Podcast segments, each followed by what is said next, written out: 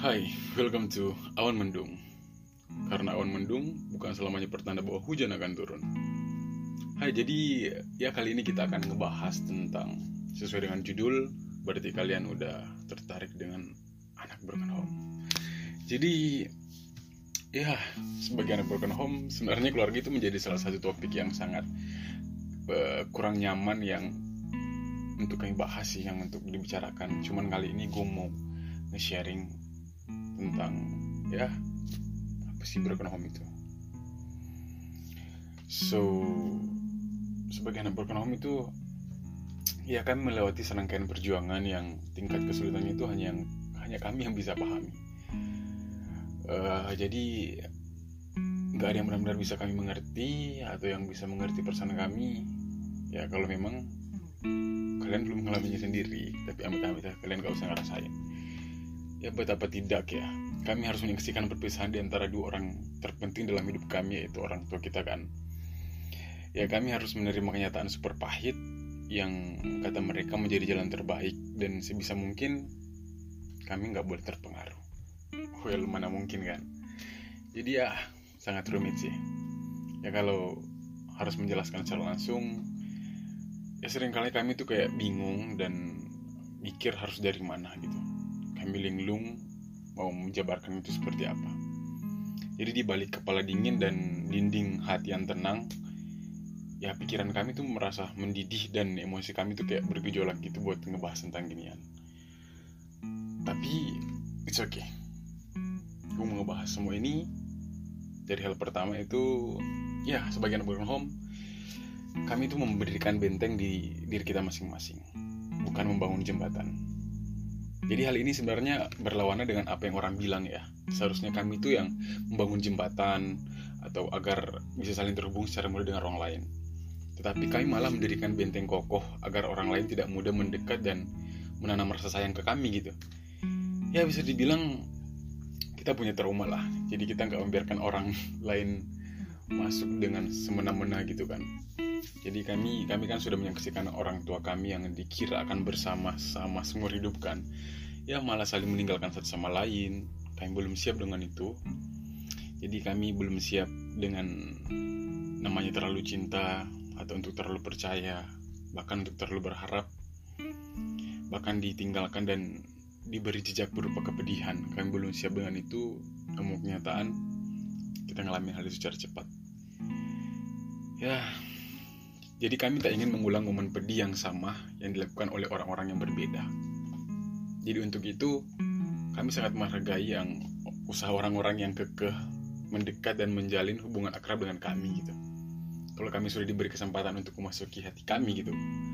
Jadi dimohon untuk tidak membuatnya lebih pecah karena kami sangat-sangat rentan. Jadi ya kami lebih memilih-milih lah siapa yang bisa dekat dan akrab dengan kami.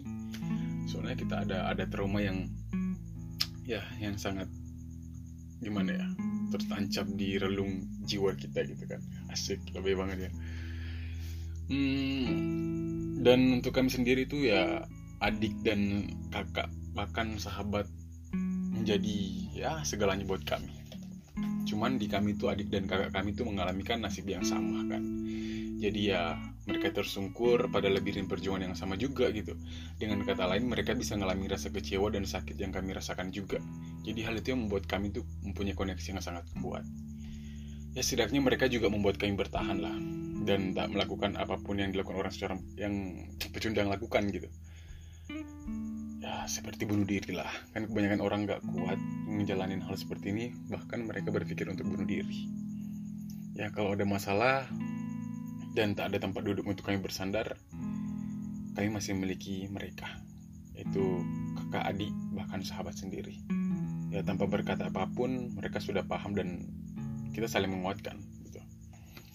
Dan mungkin kalian yang tinggal bersama salah satu dari antara mereka yang mengalami single parent ya, ya single parent adalah superhero sejati menurut gue. Yang hidup dengan salah satu orang tua saja pasti tahu lah, ya kan, bagaimana perjuangan pasca perceraian jadi kita ada di sana ketika sunyinya mekar di tengah kesulitan, ketika dia merawat dan membesarkan anak sendirian. Ya kami selalu percaya karena kita memiliki keinginan yang terpendam yaitu ingin meringankan beban mereka menyeka airnya air matanya maksudnya ya menciptakan senyumnya dan membuatnya bahagia gitu dan menurutku menurut gue sendiri komitmen dan kepercayaan adalah hal yang sangat sakral gitu setelah aku mengalami home ini gitu. Jadi perceraian orang tua terhadap hal gini-ginian kan membuat keadaan broken home itu bukan sesuatu yang terjadi kemarin lalu setahun kemudian bisa dipupus begitu saja gitu. Jadi pengaruhnya selalu menempel termasuk ketika kami mencapai titik siap untuk berkomitmen ya itu pernikahan mungkin ya jadi bagi kami komitmen bukan perkara remeh. Ada ketakutan kalau apa yang terjadi pada orang tua bisa terjadi juga pada kami gitu. Jadi tak ingin rasanya untuk hidup dalam penyesalan mendalam. Dan hal yang paling lucu di antara semuanya kami tuh cemburu pada keluarga harmonis. Serius. Jadi kayak senyum getir bisa tersungging ketika melihat keluarga yang lengkap dan bahagia rasa iri yang keluar tiba-tiba ketika memandang foto keluarga postingan liburan keluarga di media sosial yang melihat dengan mata kepala sendiri atau mendengar cerita orang tentang keluarga sempurnanya. Ya kita di luar kita yang wow selamat ya gitu gitu cuma dalam hati itu kayak wow it's amazing. Itu sakit banget serius. Jadi tapi kami ikut bahagia atau senyum ceria mereka. Kami tetap ikut. Tetapi kami tak kuasa menyaksikan ya lama-lama lah mungkin sejenak aja atau diam-diam. Dalam hati kita itu terpanjat doa gitu. Semoga senyum keluarga yang pernah dirasakan itu tak memudar seperti yang kami alami gitu kan. Jadi ya kami juga menghanturkan asa agar lembaran masa depan bisa menghadirkan jalan cerita yang lebih bahagia lagi untuk mereka ya di sana yang memiliki keluarga itu. Dan kami juga membenci perselingkuhan. Sebenarnya faktor penyebab perceraian ya nggak melulu mengenai orang ketiga sih, cuman masih banyak faktor lain yang membuat orang tua harus memiliki memilih jalan akhir dari problem pernikahan gitu. Tapi tetap saja rasa tak suka kami terhadap perselingkuhan itu jadi jadi besar gitu.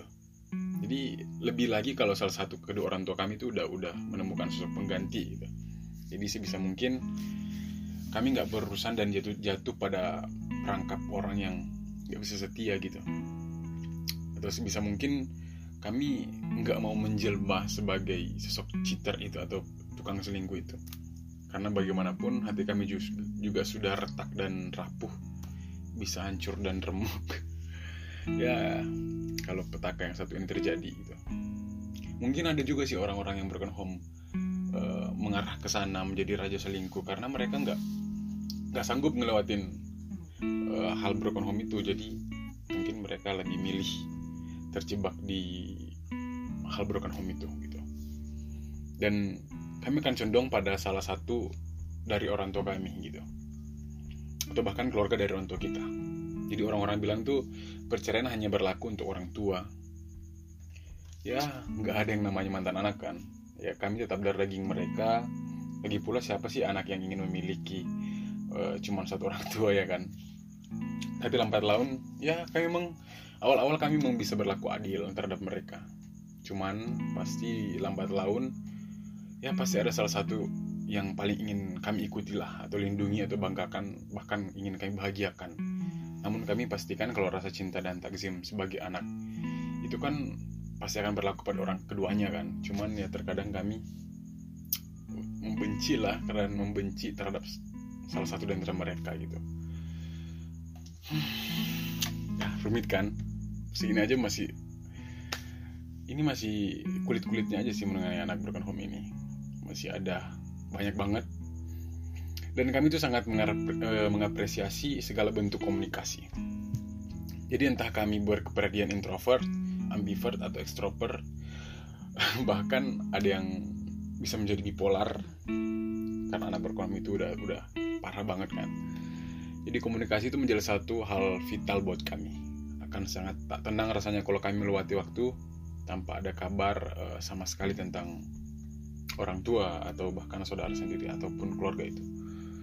Jadi ya kami harus melihat secara langsung atau telepon bahkan teks super singkat sekalipun it's okay buat kami. Penting kami merasakan kasih sayang di keluarga sedikit aja kami itu bersyukur banget gitu. Ya kami belajar kalau salah satu penyebab kegagalan rumah tangga yaitu komunikasi. Karena komunikasi menurut gue itu penyebab kegagalan rumah tangga juga sih. Ya karena cacatnya komunikasi ini bisa menjadi biang dari kesalahpahaman. Dan kesalahpahaman bisa menjadi pemicu aneka masalah sensitif gitu. Kami akan saling negatif thinking saling menyalahkan tak mau saling mendengarkan saling ragu bahkan dan lain sebagainya kan. Jadi itu kan membuat kami menjadi orang yang sangat kritis karena apa yang terjadi membuat kami sulit untuk menaruh kepercayaan bagi semua orang gitu. Karena bagi kami tak semua orang berhak dipercaya. Kami harus ekstra hati-hati bahkan sangat detail karena nggak mau sembarangan orang masuk ke hidup kami gitu. Jadi tak heran kalau kami kepo berat terhadap mereka yang hendak dianugerahi kepercayaan gitu. Jadi berdiskusi dengan hati sendiri mencari informasi atau bahkan kita mau menstalking orang terdekat kita sendiri karena hanya ingin mengetahui ini bisa nggak sih dipercaya gitu dan itu membuat kami juga sensitif pada kekurangan kekurangan seseorang gitu. jadi bukan bukannya kami sangat sempurna sehingga begitu menaruh perhatian terhadap kekurangan seseorang hanya saja kami memang terbentuk sebagai pribadi yang cukup hati-hati kan apalagi ketika hendak membangun hubungan seperti persahabatan atau pasangan yaitu pacaran kan kami akan menelusuri kebiasaan atau sifat-sifat buruk mereka. Apakah dia jarang sholat bagi muslim atau jarang beribadah hari minggu bagi umat kristiani? Apa dia suka berbohong apa dia pemalas apakah dia pemarah dan lain-lain lah pokoknya. Ya karena itulah kami sangat sensitif pada kekurangan seseorang gara-gara trauma yang besar ini di hidup kami kalau kekurangannya masih bisa ditolerir boleh jadi pintu hati kami akan sedikit terbuka sebaliknya kalau kekurangan itu sangat keterlaluan ya kami bisa jadi mundur atau mengambil ancang-ancang sebagai persiapan untuk menjauh. Dan mungkin yang terakhir sih menurut gue ini, kami tuh selalu rindu akan cinta dan kami tuh butuh diterima apa adanya gitu. Jadi ya kami over sangat sensitif banget terhadap namanya kasih sayang. Karena itu yang paling kita butuhkan di hidup kami gitu. Jadi kami merasa kalau curahan kasih sayang dari orang tua itu nggak utuh kan? Jadi ada sesuatu yang terputus dan kurang di hal itu. Tapi kalau mereka sudah memutuskan untuk berpisah ya kami mau gimana lagi kan? Bisa menuntutnya. Ya sejak saat itu kami selalu merindukan cinta dan kasih yang komplit bahkan harus total dari orang-orang lain gitu. Kami ingin mendapatkan dari figur-figur lain seperti ya teman kami mungkin dari keluarga-keluarga terdekat kami. Ya sekiranya bisa pedulilah serta menerima apa adanya. Ada harapan kalau mereka bisa jadi pahlawan yang membawa kami dari gelap gulita menuju cahaya asik oke. okay. Jadi itulah rahasia-rahasia yang bisa gue beritahukan kepada kalian sih. Itu masih kulit-kulitnya sih mengenai broken home. Kalau kita kupas lebih mendalam lagi mungkin ya gue yang nggak sanggup menjelaskan mengenai broken home yang sangat mendalam itu ya. Ya itulah. Uh, ya mungkin cuma itu yang bisa gue sampaikan di pertemuan kita kali ini. So ya buat kalian yang masih mendengar ini bukan tips kali ya ya beberapa hal-hal yang penting lah mungkin bukan mengenai cuman broken home mungkin satu hal lagi mengenai percintaan atau persahabatan bahkan di keluarga nanti gue akan bikin lebih panjang lagi lah di channel ini. So, buat kalian yang tertarik sama anak broken home, tadi gue udah jelasin rahasia tentang anak broken home. Jadi buat kalian yang suka, jangan lupa komen dan share ke teman-teman kalian yang yang broken home sih. Mungkin ke teman-teman yang tertarik sama anak broken home kan. Ya mungkin itu sih yang bisa gue sampaikan. So, see you in the next content. Bye bye. Jangan lupa di subscribe ya. Dan nyalakan tombol loncengnya. Bye bye.